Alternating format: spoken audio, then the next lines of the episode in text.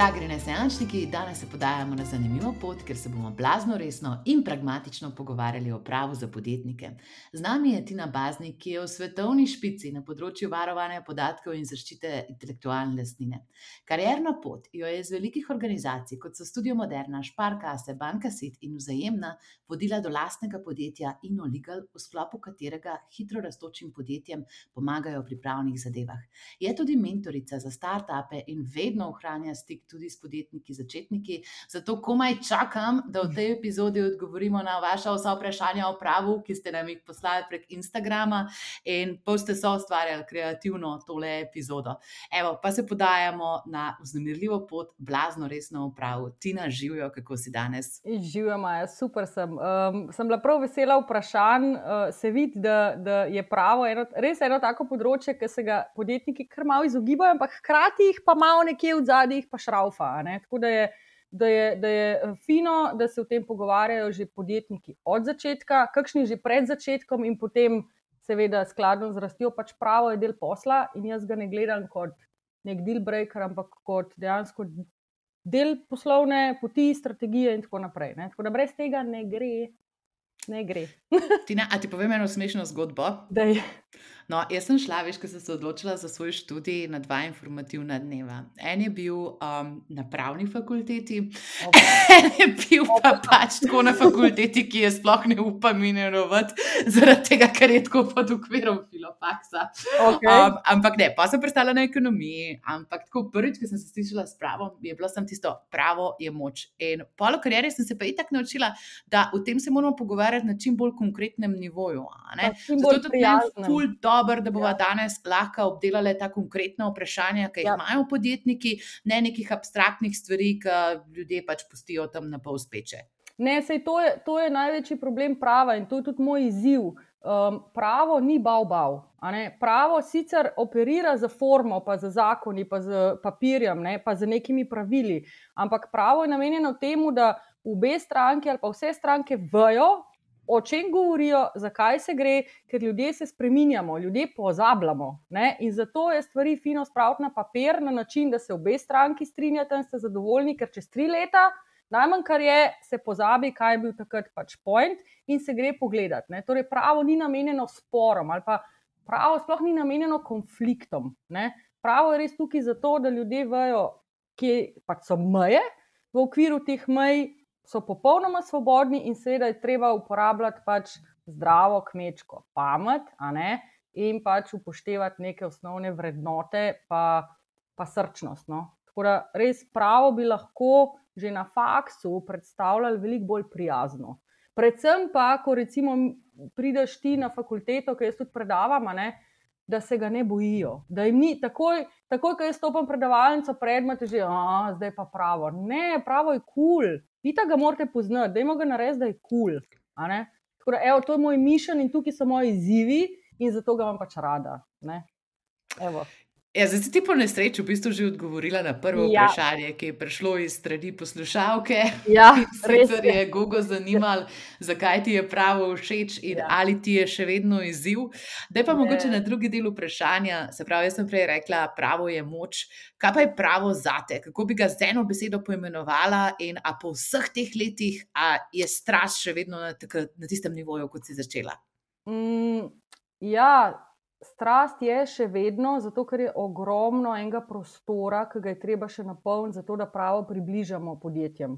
Um, to, to skozi ponavljam. Um, nekako že na faksu, tako kot si ti rekla, pravo je moč, ampak nekako nas naučijo, da se to moč izkorišča. In jaz to ne maram da pravniki, odvetniki, kdorkoli s pravnim znanjem to znanje izkorišča na nepravi način. Ne? Ker pravo je široko, širok pojem in tako, kot jaz ne vladam tvojega posla, tako ti ne moreš mojega. In moja naloga je, da ga jaz te približam in tvoja, da ga ti meni. In to, da je pravo moč, je res. In se popolnoma strinjam s svojim, s tvojim stavkom, ampak moč prinaša tudi odgovornost. Ne?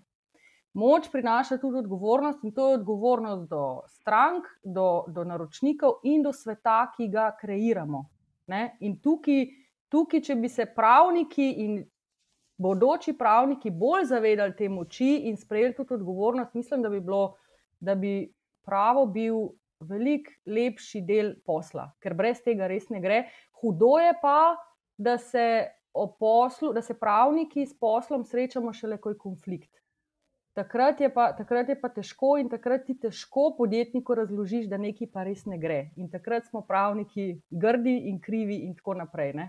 In zato je ta pot od začetka, da ti podjetnika vodiš in da mu pomagaš in da ga pomiriš, to je najlepše. To je najlepše, ker je podjetnik miren, ker ve, da ima uno svojo varno jadrnico, iz katere ne sme zlesti, ker ga pač omejuje ampak da lahko mirno pluje. In ja, strast je še vedno tukaj, ker ko vidiš te pomirjene obraze, je to nekaj najlepšega za me. Evo, mogoče se malo čudno slišiš, ker je pač to pravo, ampak tako je. tako jaz čutim. Meni je fulo všeč, da si ta način povedala. Zaradi tega, ker se spomnim, pač, ko sem prvič dobila svoj izsiljevalski, ta Desist um, iz Amerike, okay. ki je en pač hotel, da en online kurs, pa pač tam le res, pač tako vse je bilo by the book narejeno, pač dobesedno je bil to legal bullying, ne, kot mhm. si ti rekla, uporaba znanja v zelo neprimerne ja. namene. Ja. Sam jaz takrat pač tako nisem mogla spati, jaz nisem vedela, kaj se meni to dogaja, kaj smo naredili na robe.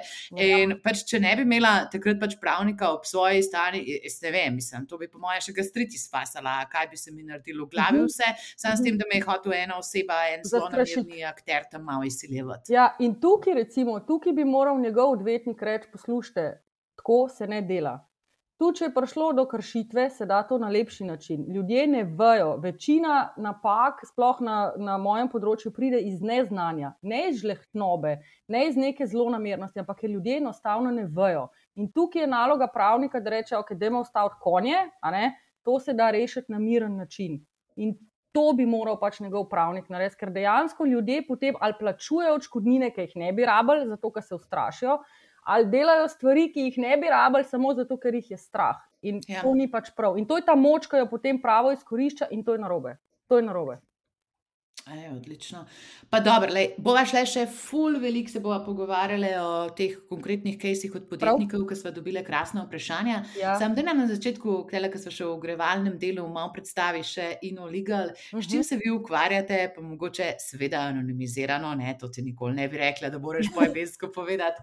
Pa takih tipičnih kajsov, ki jih vaša pisarna reš, oziroma vaš butik rešuje. Ja, ja. Torej, um, naša pisarna je res butična. Mi se ukvarjamo izključno, oziroma smo specializirani za področje intelektualne lastnine v smislu strateškega pristopa k izkoriščanju znanja uh, v kakršni koli obliki, pri čemer za svoj tool uporabljamo pravo. Ne?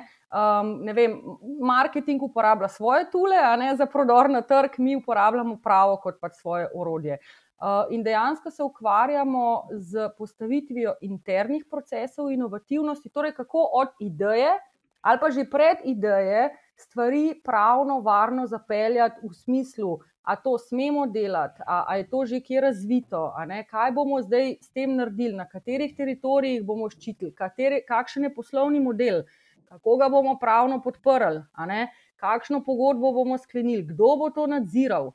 To je v bistvu ena taka rdeča nit, ki vodi čez vse poslovne procese. Se pravi, najprej postavimo internega, in potem, seveda, tudi eksterno, vse odnose z eh, partnerji naših naročnikov. Tako da to so v bistvu naši tipični kajsi, eh, ki so seveda zelo kompleksni, zato ker pač to je sestavljeno iz različnih tipov dokumentov, na koncu koncev je vedno nek pravilnik, kot si Maja rekla. Ne? pač na koncu je vedno nek ali pravilnik, ali pogodba, ali neki guidelines, ali pač neka navodila, ki so pač strukturirana z namenom uh, pravne ureditve, in mi, se, in mi, se ukvarjamo, mi se ukvarjamo točno s tem. Naš slogan je pa Legal Transformation for Your Innovation. Se pravi, mi transformiramo skozi pravo inovacije, ker doskrat se nam zgodi, da tudi preusmerimo tok razvoja. Ker pač ugotovimo, da se to ne da, ne sme, karkoli od tega. Ne? In če mi to pravi čas polovimo, v bistvu podjetju prehranimo in kup enih stroškov, časa, živcev, gastritisov. Ja, res. Tajpej. res, res. res. Um, tako da mi smo dejansko prisotni skozi cel poslovni proces. Skozi cel poslovni proces.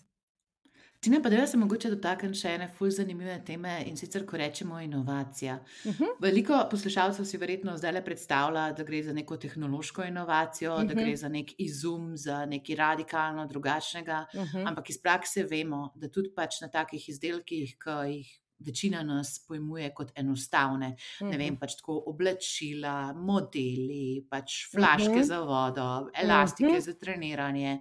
To so vse tudi lahko inovacije. Dajmo opredeliti Absolutno. pojem inovacija. Ja, inovacija je sicer v, v nekem takem um, generalnem pomenu percipirana kot tista tehnološka, strojna, patentabilna inovacija. Ampak ja. inovacija je v bistvu vsak produkt intelekta, v kakršni koli obliki že nastane. To je lahko samo know-how, govorim samo zato, ker ga ne moreš patentirati, ampak je to tako ključen in, in vreden know-how, ki ga nek zaposleni nosi, da brez tega podjetje ne izdelka, ne storitve ne more pač konkurenčno prodajati. Torej, know-how, metode, procesi, vsa avtorska dela, teksti, članki, videi, uh, uh, glasba. Um, Kaj imamo še, uh, projekti, uh, ne vem, um, da mi pomagajo, recimo, s čim, s čim se, se, se ti. Online kursi, online kursi modeli, modeli različnih Ja, izdelkov. Tako, to je vse inovacija. In Dobar. zaradi res, in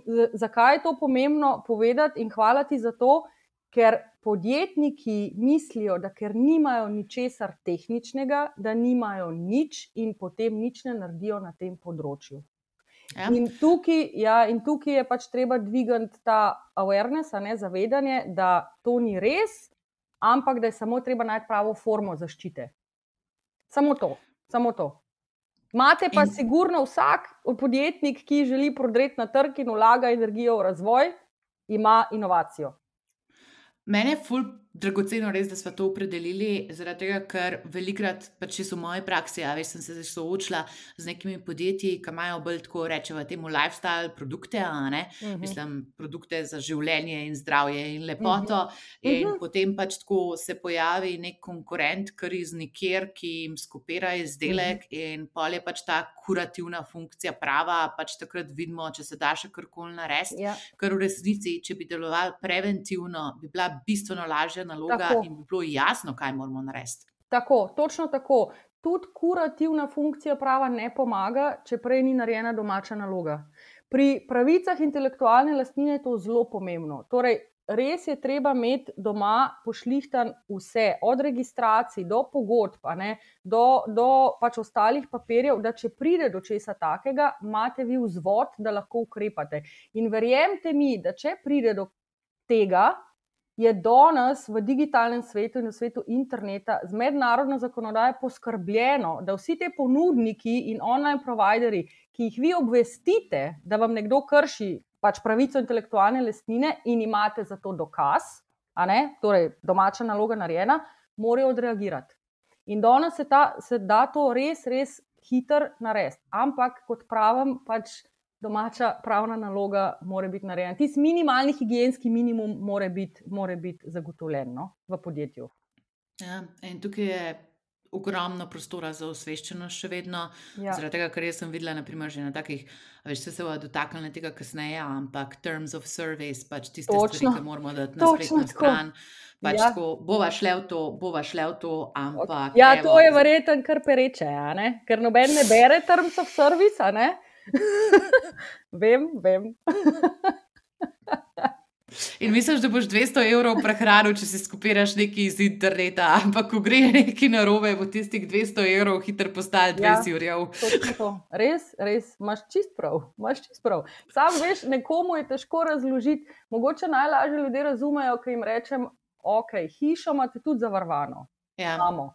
Ok, imate. A pa jo greste zdaj zažgati, zato da boste uveljavljali zavarovalnino. Ne, pač če se kaj zgodi, imate vi stvari urejene.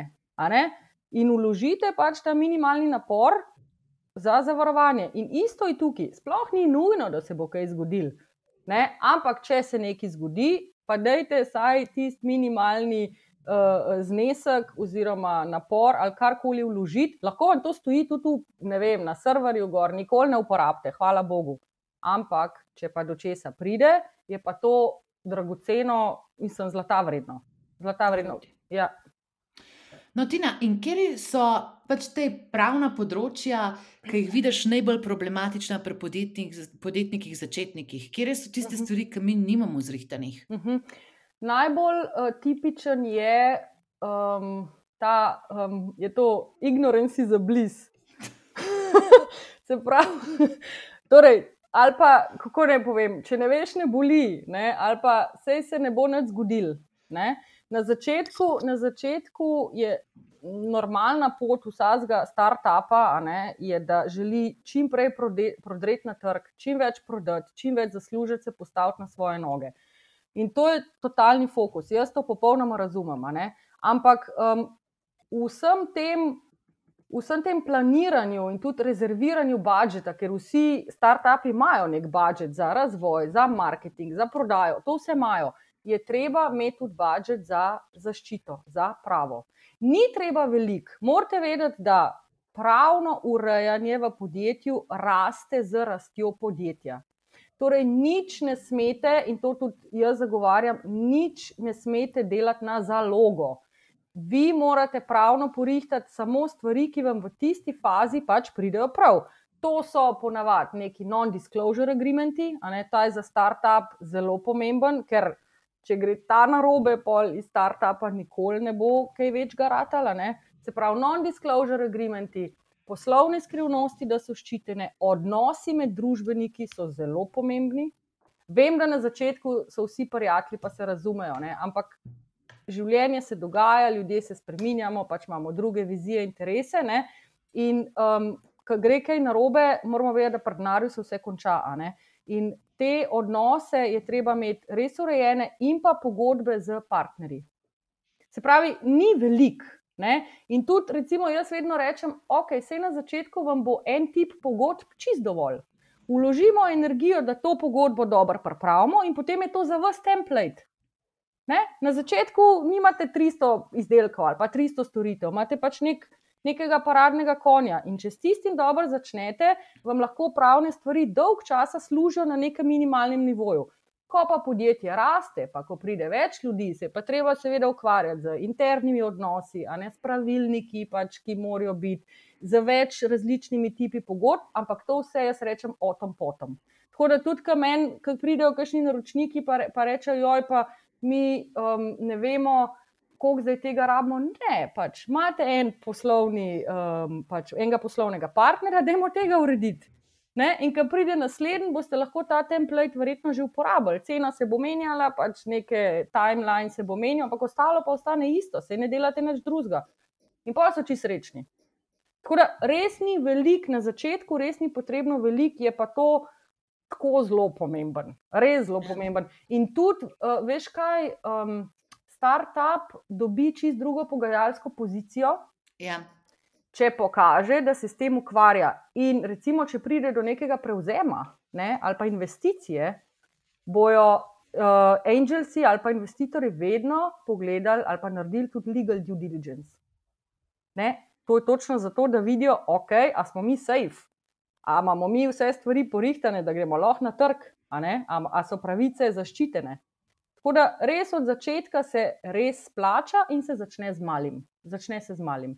Tako da da se dobiti, da se dobiti pač pravne storitve, custom made za startupe.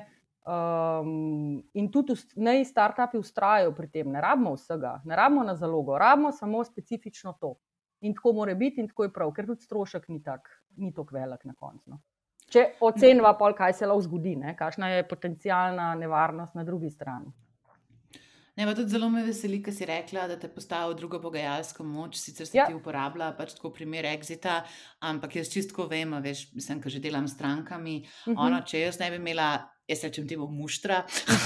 Ta mušter je po mojem že čez 50 ideacij šel, ampak mušter je Ja, zlato. zate je mušter, ja, zate je to je tvoj mušter. In je ok, sej jaz imam tudi svoj mušter.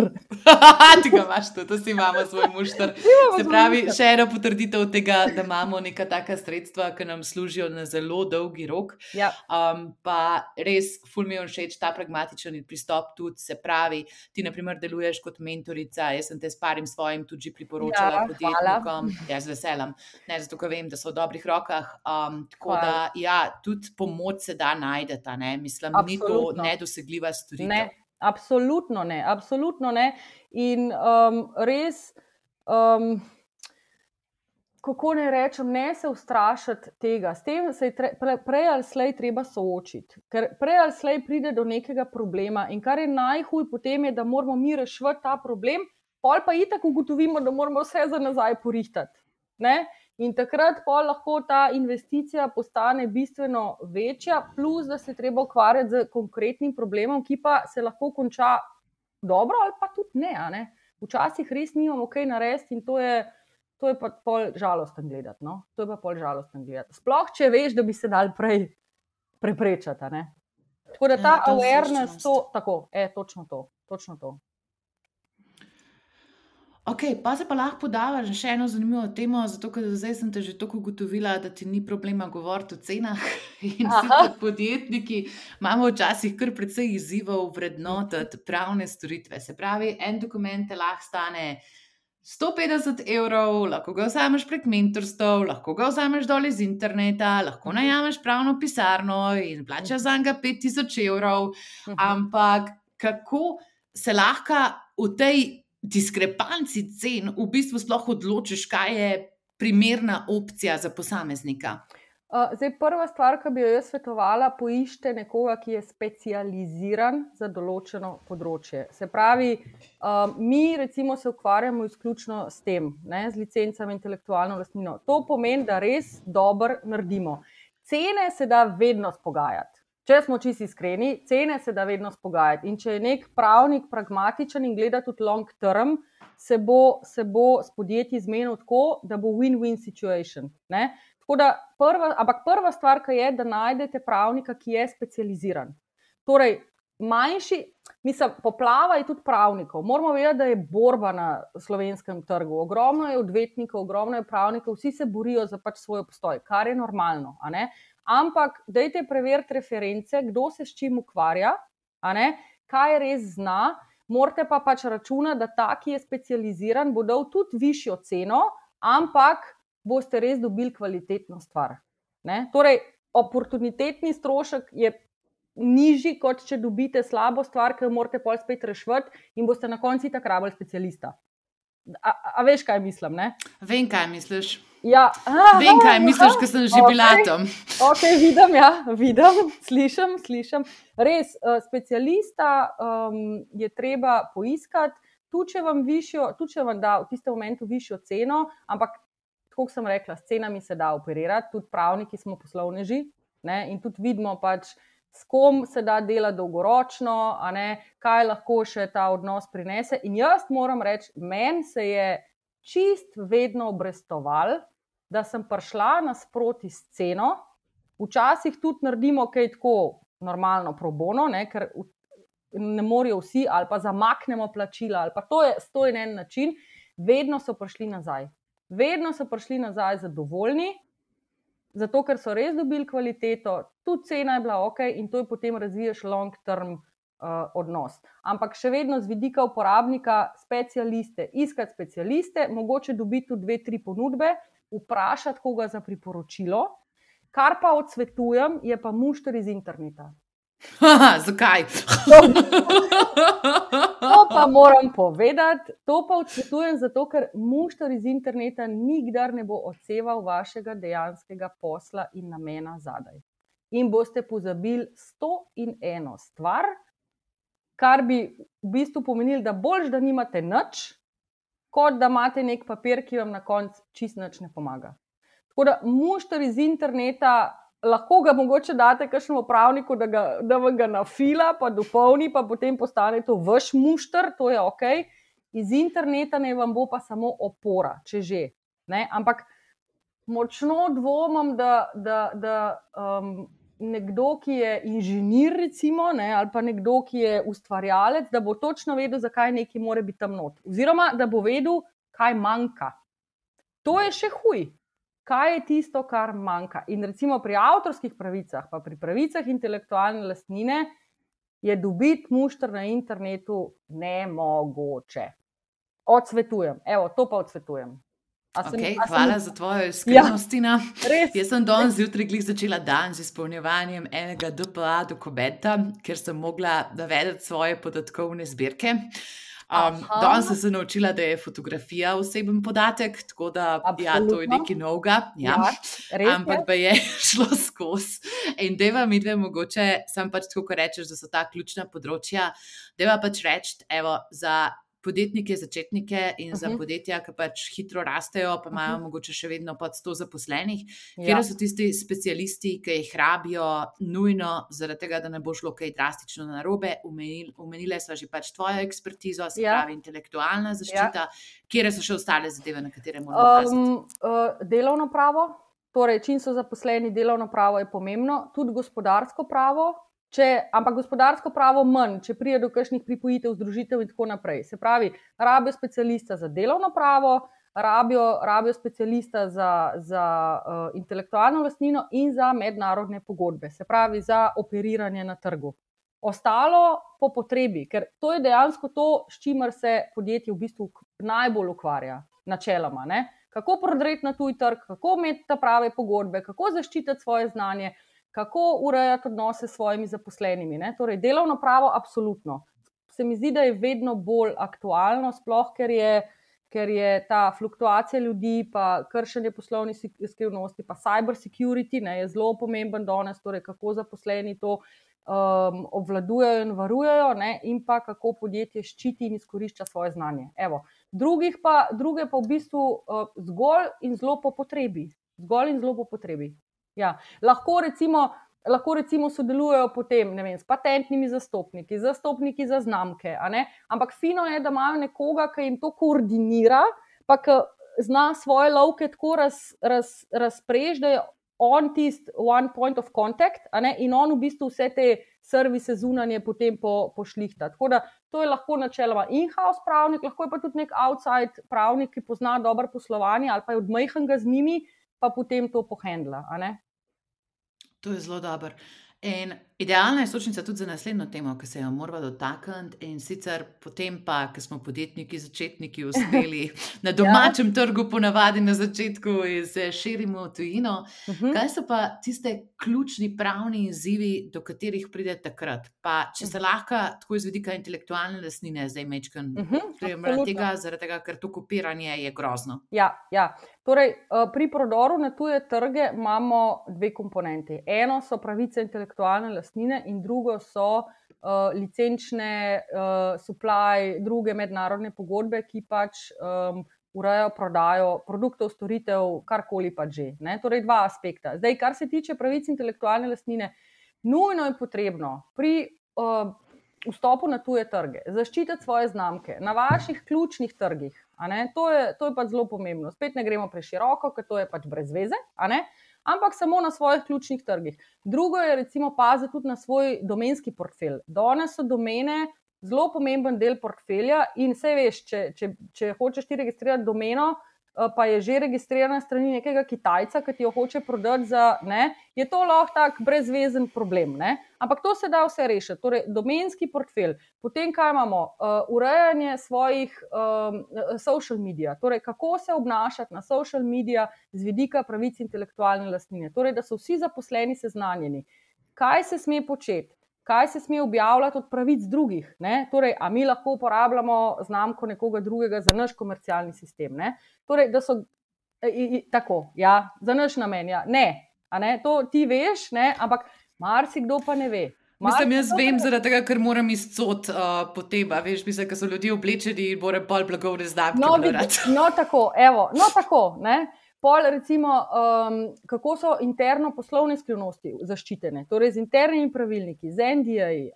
To, to so vse stvari, ki morajo biti pri vstopu na tuje trge uh, interno porihtane. Kar se pa tiče eksterno, so pa pomembne, kakšne so pogodbe s partnerji. Torej, kaj partner sme početi z vašimi pravicami intelektualne lastnine, kdo nosi stroške, če pride do kakšne kršitve. Ne? Eh, kdo vzdržuje te pravice? Kaj se zgodi, če se pogodba prekine? Ker da ne boš mislila, doskrat se zgodi, da partner. Uh, sklen, da, se pravi, da partnerja skleneta pogodbo, to funkcionira pol leta, in potem ta drugi partner pogodbo prekine in začne sam delati. To, se pravi, to naprimer, na proizvodni bi bil recimo, recimo, ali pa da se licencira neko znanje, neka tehnologija, ne, da se ne prodaja izdelkov, ki jih je težko, težko reverse inženirati, ampak da se da neka, neka recimo, ka, so, koda, da se da neka koda na uporabo karkoli. Ne.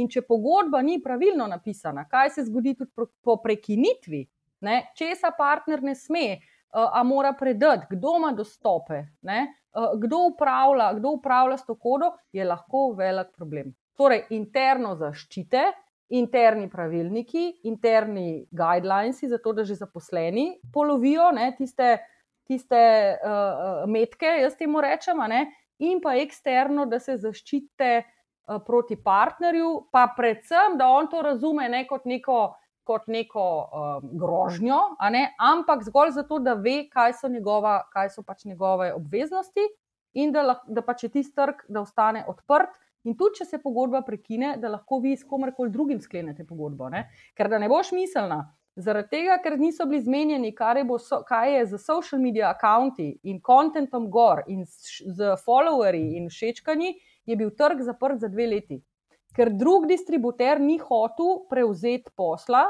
ker ni imel dostopa do social medija. In ne vprašaj, koliko je bilo škode. Ne? Tako da tudi to je pomemben del. Ja, ja. Hudiče v detajlih, ampak zato smo mi tukaj. Ne? Zato smo mi tukaj. Ampak res, ne, res. Ja, ja, res, res. Uh, življenje je hecno. No?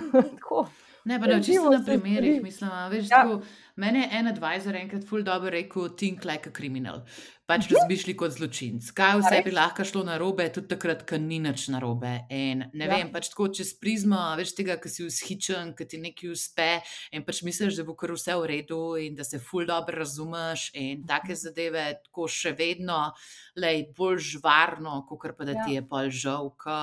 Ne vem, no, mislim, to mi je pa škoda, ker se pol naredi, a veš, podjetje, taka poslovna škoda, kot si ti prej omenila. -huh. In zaradi tega, ker bi pač, ne vem, par sto evrov, ne vem, -huh. par tisoč evrov včasih plačali za nek dokument, ki bi -huh. lahko pač potem normalno Res šli naprej in to udejanili, um, pač smo mislili in upali, da bo vse v redu, ker je tisti romanticizem, ja. ki si ga na začetku omenila. E, e, ja, veš, ignorance, ignorance is a bliss. Tak, imam še enega boljšega. Ne? Ta je ja? sicer malo grši, ampak assumption is a mother of all fuck ups. res to tukaj, res to tukaj, tukaj uh, zelo, zelo pride v poštev. Torej, ne domnevati, da veste, kaj partner misli, da veste, kaj se bo zgodilo čez dve leti, ne domnevati. Napišite, zapišite, zaradi mene ne rabite pogodba, lahko je e-mail, lahko rišete, samo dajte se res konkretno zmeniti. Ne, in fino, in dih obratno, veš tudi, ker včasih si pač tako skoraj da vesel, ko ti kdo pošle osnutek svoje pogodbe, ampak tista, čigar pogodba je, v tisto pritigra.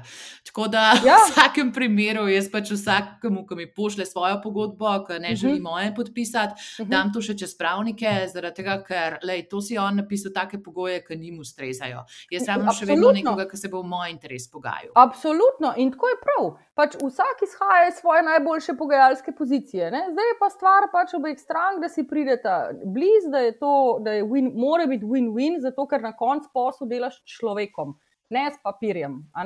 In vedno lahko obe stranki popustita, vedno, ni situacije, ko ne moreš. So pa seveda nekje deal breakeri, ki pa mora pravnik povedati, pa reči, gledaj. Tole pa je non-negotiable, zato pa, zato pa, zato, ker ti bo nastala večja škoda, kot bo zdaj le trenutna korist ali pa tisto trenutno zadoščenje. In zato so pač pravniki dober podpor. Morajo biti zraven, morajo biti zraven, zato da pač ustavijo in rečejo: Stop, tukaj le pa je treba ustaviti. Jaz vedno rečem, še vedno biznis prevzema svoje odločitve, ampak pravnik mora predstaviti tveganja, mora najti rešitev in omogočiti vodstvu, da sprejme informirano odločitev. To je pač naloga pravnika. Če se podjetje odloči, da gre v tveganje, ok, vemo, kaj se lahko zgodi, smo pripravljeni. Ne? Najhujše pa, da podjetje reče, kaj mi nisi tega povedal. Ja, kaj pa nisi vprašal? Pa na kateri točki je pa primerno, da v bistvu podjetje začne interesirati uh, svojo pravo. To je tudi eno vprašanje, ki smo uh -huh. ga mhm. dobili sicer od Anžeta, in zdaj je to idealen prehod, Tina, da greva na ta vprašanja, ki so nam jih poslušalci poslali. Uh mhm. -huh. Se pravi, evo, prvo od Anžeta, na kateri točki starta potrebuje in-house pravnika, če sploh. Elik sem hotel reči, če sploh. Če sploh. Zelo je odvisno od industrije, v katerem podjetje uh, nastopa ena podjetja nikdar ne rabijo in-house pravnika, zato ker, zato ker je, imajo svoj mušter, pridejo do neke svoje velikosti in jim to čisto ustreza. Če pa gre za bolj kompleksno podjetje, z več različnimi izdelki, z, z večjim portfeljem, tudi z inovacijami in posledično tudi več ljudmi, je pa že čas. Da ali imajo in-house pravnika, ki najmanj kar je bo sposoben specialiste potegniti, ko je to potrebno, ker in-house pravnik ni namenjen temu, da vse zna, to je ne mogoče. Ne? Pač mora biti tisti point of contact, da potegne specialiste, ali pa imajo nekoga, ki je od zunaj, ki je z njimi od majhnega in opravlja isto funkcijo. Tako da tukaj je pa dejansko poslovna odločitev podjetja, ali hoče imeti nekoga na plači ali pač na, na pogodbi o sodelovanju. So pa um, obveznosti ali pa odgovornosti bi morali biti iste. Torej, jaz, kot pravnik, ki sem zunanja, mi podpiramo dost uh, podjetij kot outside in-house pravniki, imamo isto stopno odgovornosti, kot če bi bili zaposleni. In to je spet pravo, je moč, odgovornost in tako naprej. Tako da ni pravila, kdaj je stvar poslovne odločitve podjetja. Eni šaltajo iz in-house na outsource, eni šaltajo obratno. Vsekakor pa takrat, ko poslovne enote same ne zmorejo več obvladovati pač svojih poslov, ker je pač pravnega um, dela preveč. No? Ampak kar se tudi zamuja, ne? mislim, če imaš tako nek takšen bottleneck, da pač nek oh. človek ne zmore tega, pa pač tako ni sposoben tega komprehendati, ima mogoče že malo zastarela znanja. Ja. Um, to so tudi take nevarnosti. To, ja, to je pa potem odvisen od tega, da podjetje najde človeka, ki paše njegovi kulturi. Torej, uh mhm. -huh. pravnik nikdar ne sme biti bottleneck. Pravnik je tisti, pa še tako je. Pravniki moramo biti zelo aktivni. Zato, ker mi nismo v DNK-ju nekega podjetja, mi smo unita zadnji, ki jo je, če res treba, se jih pokliče. Ampak ljudje ne vejo niti, kdaj nas je treba poklicati, niti zakaj nas je sploh treba poklicati. In pravnik mora biti zelo aktiven in sprašvati, hej, kaj se je zgodilo s to zadevo, hej, a ste to uredili, a lahko pomagamo, kaj pa tole, ne? a sem lahko zraven na sestanku. Pač In-house pravnik mora biti zelo, zelo aktiven, in če pač ne zhendla, če ne zna, da zna pač poiskati specialiste. To je v bistvu vsa naloga in-house pravnika. In bi bilo čist fino, če bi in-house pravnikom malo odlegli. Ne, ker si nalagajo, si ful preveč odgovornosti, da oni morajo vse znati in vse. Ne moreš. Ne moreš. Ne. Ne moreš. In, brez veze je tudi pritiskati na njih, mora pa biti sposoben, pač, uh, da stvari tečejo. Posel mora teči. Pravo ne sme, oziroma posel ne sme stati zaradi pravnikov. Ni šans to pač je nespremljivo. Ne? Zato se jaz tokrat pogovarjam s tabo, zato imaš no. totalen pragmatičen pristop do tega. Ja. Pa, ne vem, veš, sploh bi brkati gaši, ker radi hodbo po mejah, pa kakšno nagradno ja. igrico organiziramo, pa imamo kakšen GDPR, pa vem. take zadeve. Je vem, dobro, vem, vem, da imamo takšen odprt, pa sproščen odnos, ne, ja, da se moramo ga ne izogibamo. Uh, ne, ne, ne, vse zato mi moramo biti zelo people loveri, zelo, zelo people loveri in zelo, zelo spoštovati dejstvo, da pač vi ne znate tega kar mi znamo. Ne, zato, ker nas, na, a, a, a veš, kaj so nam na pravni fakulteti rekli? Ne? Vi ste bodoči pravniki, vi boste. Elita. Elita, e, točno. Elita, to. zato jaz se nisem upisala na pravo, ker so mi rekli besedo elita, ki jo sovražim. Tudi, tudi jaz, mislim, mene to, mene to nespremljivo in zato se ljudje bojijo pravnikov, ker jim zleze to v kožo in potem hodijo v oblekah, pa da ne bo kdo užaljen, a ne pač govorimo o določenem oblekah in arogantni in nedosegljivi, ne, in vzamejo si čas in naročite se prek tajnice in pridite takrat, ko bom lahko. To je pač no go, to več ne gre. Svet se spremenja, milenici so tukaj, smo tukaj. ja. uh, in, je, in je treba čisto drugače funkcionirati, popolnoma drugače. Ja, ne, meni je to ful blizu pristop. Okay. Tina, greva pomagati če parim ljudem. Dejva. Greva v zadnjo rundo podcasta, kjer bova dajale, se reče, da je smela dajati pravnih nasvetov, dajava se bom mnenja. Tako, ok, ok. Dobro, evo. Lej, tukaj je naša poslušalka Simona, ki je umetnica, ona ilustrira in slika. Dobro. Bi rada vedela več o licenciranju svojega dela, kako zaščititi svojo umetnost. Ok, torej uh, njeno področje spada praviloma pod avtorska dela. Za avtorska dela uh, je jasno, da so ščitena z avtorsko pravico, in avtorska pravica pa nastane samim nastankom dela. Tako da za avtorsko pravico dejansko noben ekstra registracijski postopek ni potreben, zato da se dobi pravico uveljavljanja.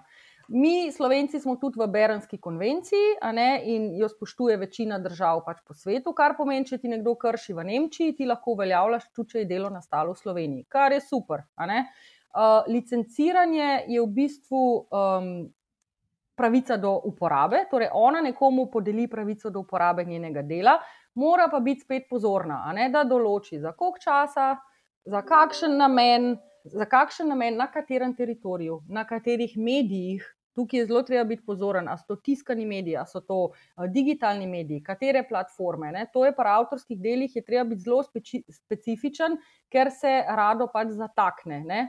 Sploh recimo pri knjigah, včasih bile tiskane oblike, pa so pa prišle digitalne, elektronske knjige, pa je bilo vse narobe ker niso imeli no, zelo. Zdaj pa plačujemo davek za fotokopirca.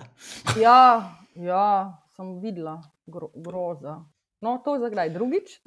Ja.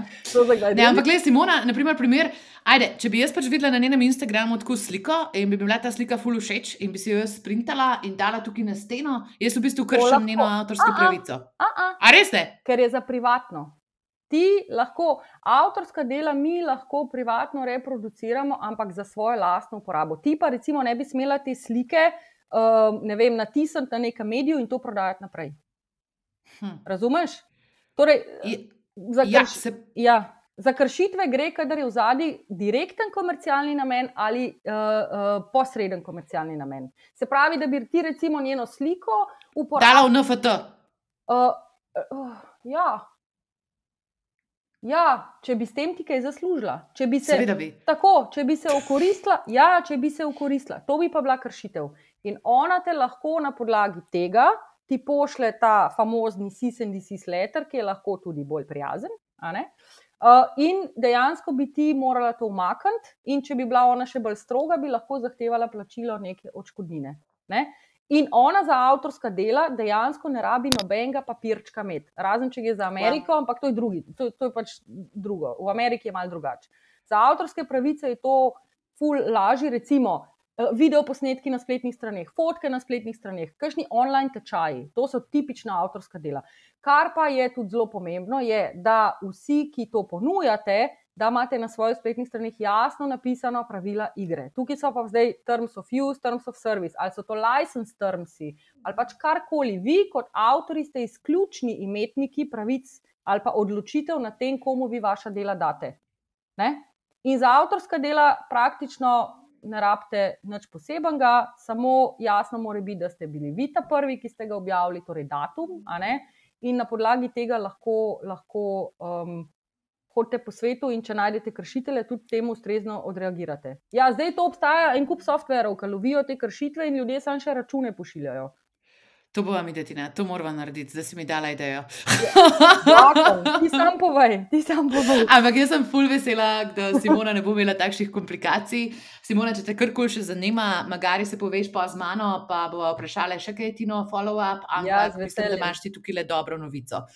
Ok, pa gremo pa na Aleša. Aleš je priznan freelancer na področju uh -huh. SEO-ja, pa optimizacije spletnih uh -huh. strani. Um, in zdaj je začel intenzivno delati tudi s tujino. In okay. ga zanima, kje so najboljše prakse na področju sklepanja freelance uh -huh. pogodb o sodelovanju s tujimi partnerji. Uh -huh.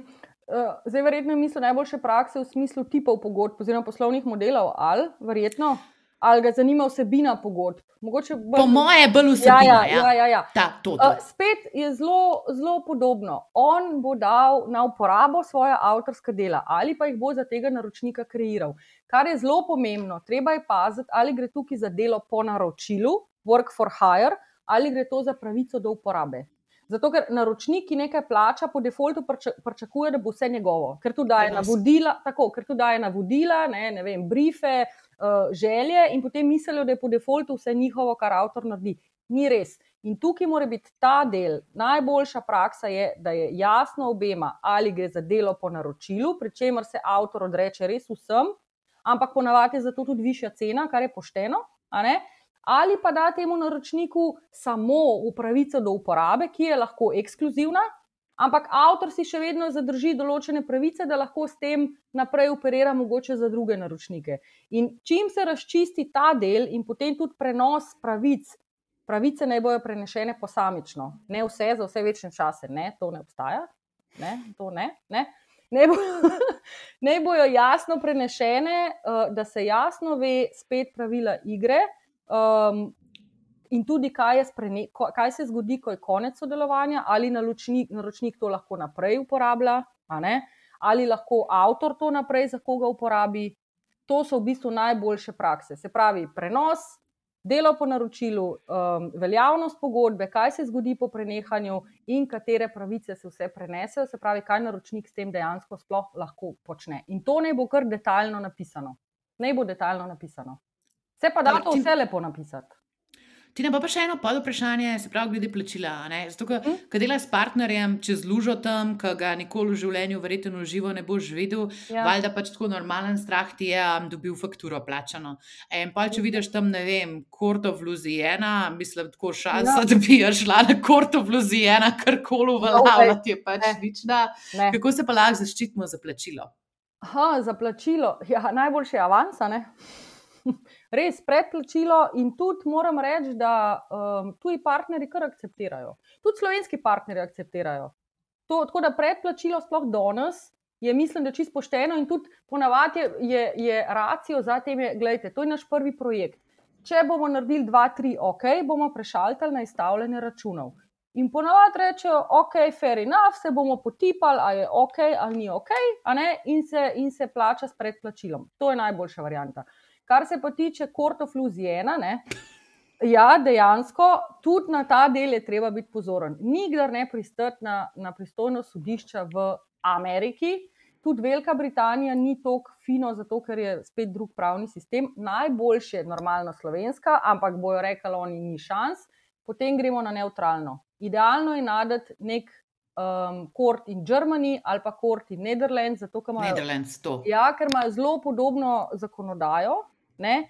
In um, vsi se morajo malo pomatrati, da tja pridejo, in vsi morajo razkirati tok in tok stroškov.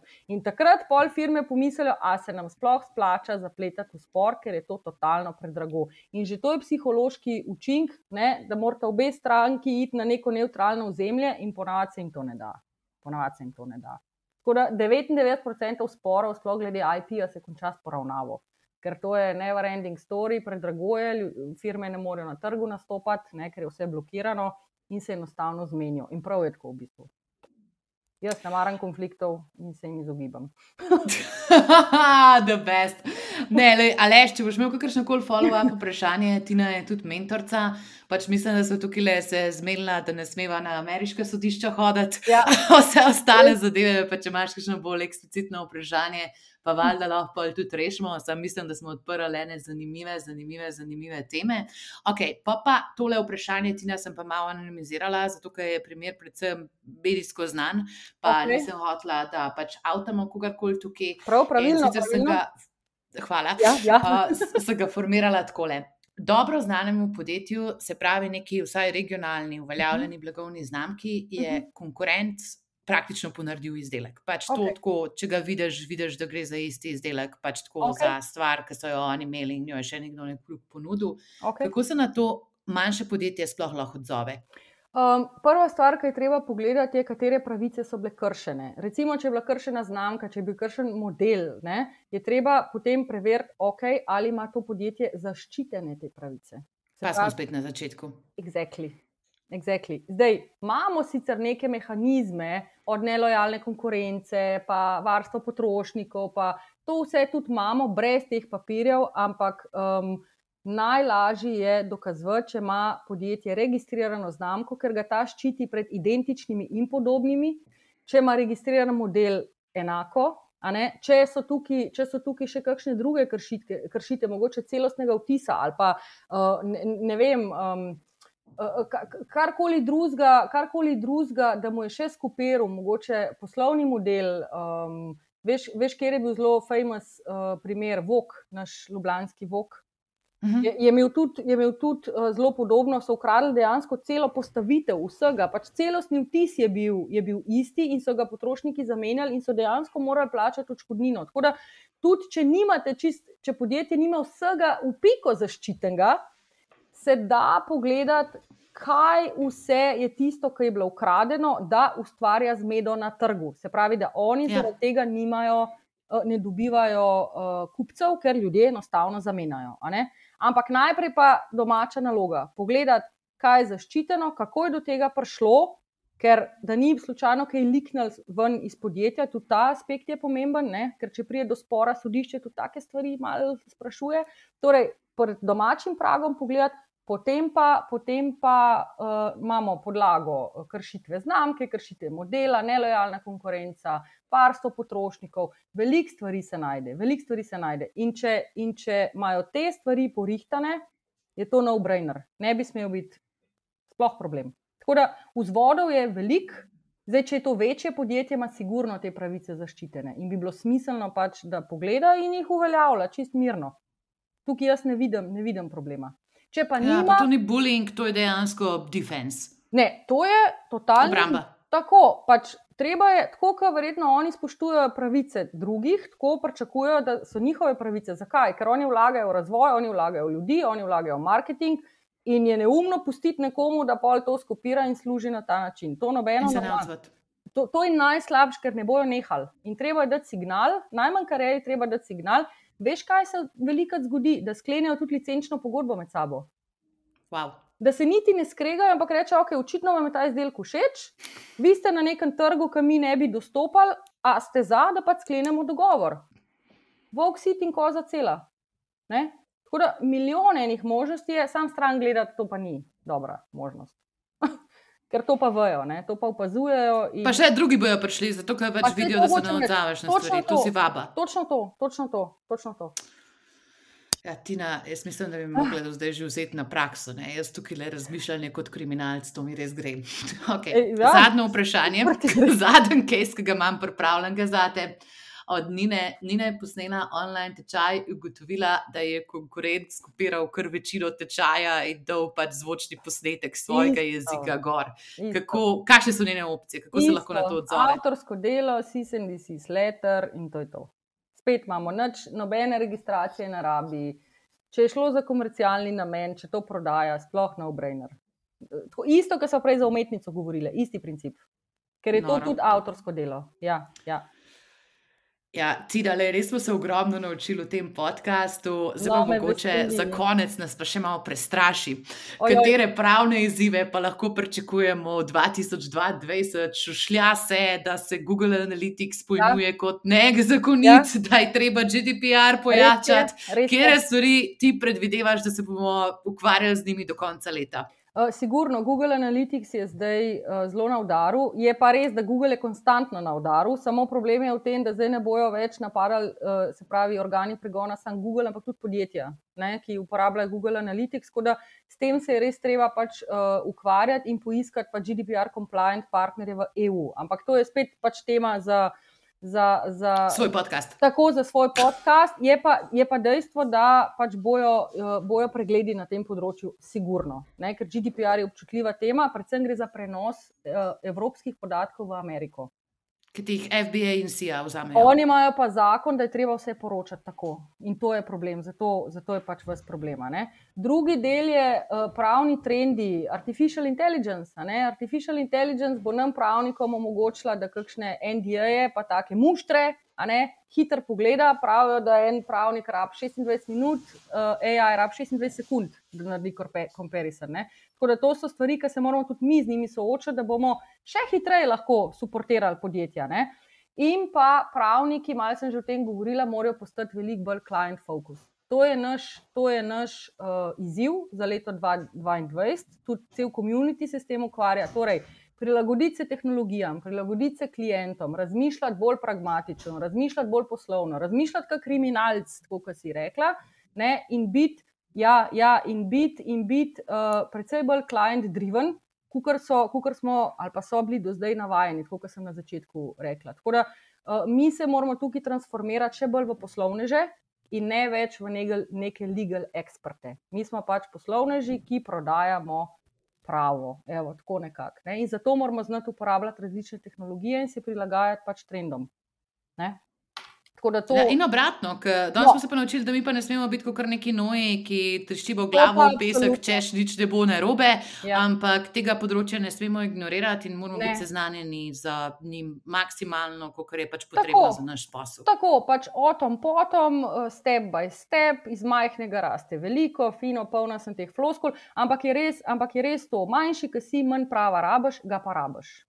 Ga pa pač rabaš. Evo. In Tina, zahvaljujem se ti za koristen in na vse uporaben pogovor. Mislim, da so obdelali super kese. Lej, če boš rabila kakšnega praktikanka, ta, tako lepo let imam več sajta, tako da se lahko kaj zmenjam. Uh, drugače pa le srečno s poslom, pa ko me čakam, da vidim, s katerimi podjetji boš še delala, k tepi tako poslu, vse tako super deluje. Ja, in same dobre novice skozi z vaše strani. Ja, hvala, hvala za povabilo. Upam, da, da smo pravo, da sem še malo bolj približala. Če pa bo kdo rabo kakršen koli na svet, pa obrnite se na Majo, pa se bomo pokonektali. Drugač pa vse dobro, pa good luck. Pa hvala, Ej, hvala lepa. In seveda tudi vam, ki ste vas poslušali, pa ostanite pravno varni, pa imejte lep dan še naprej. Nasvidenje.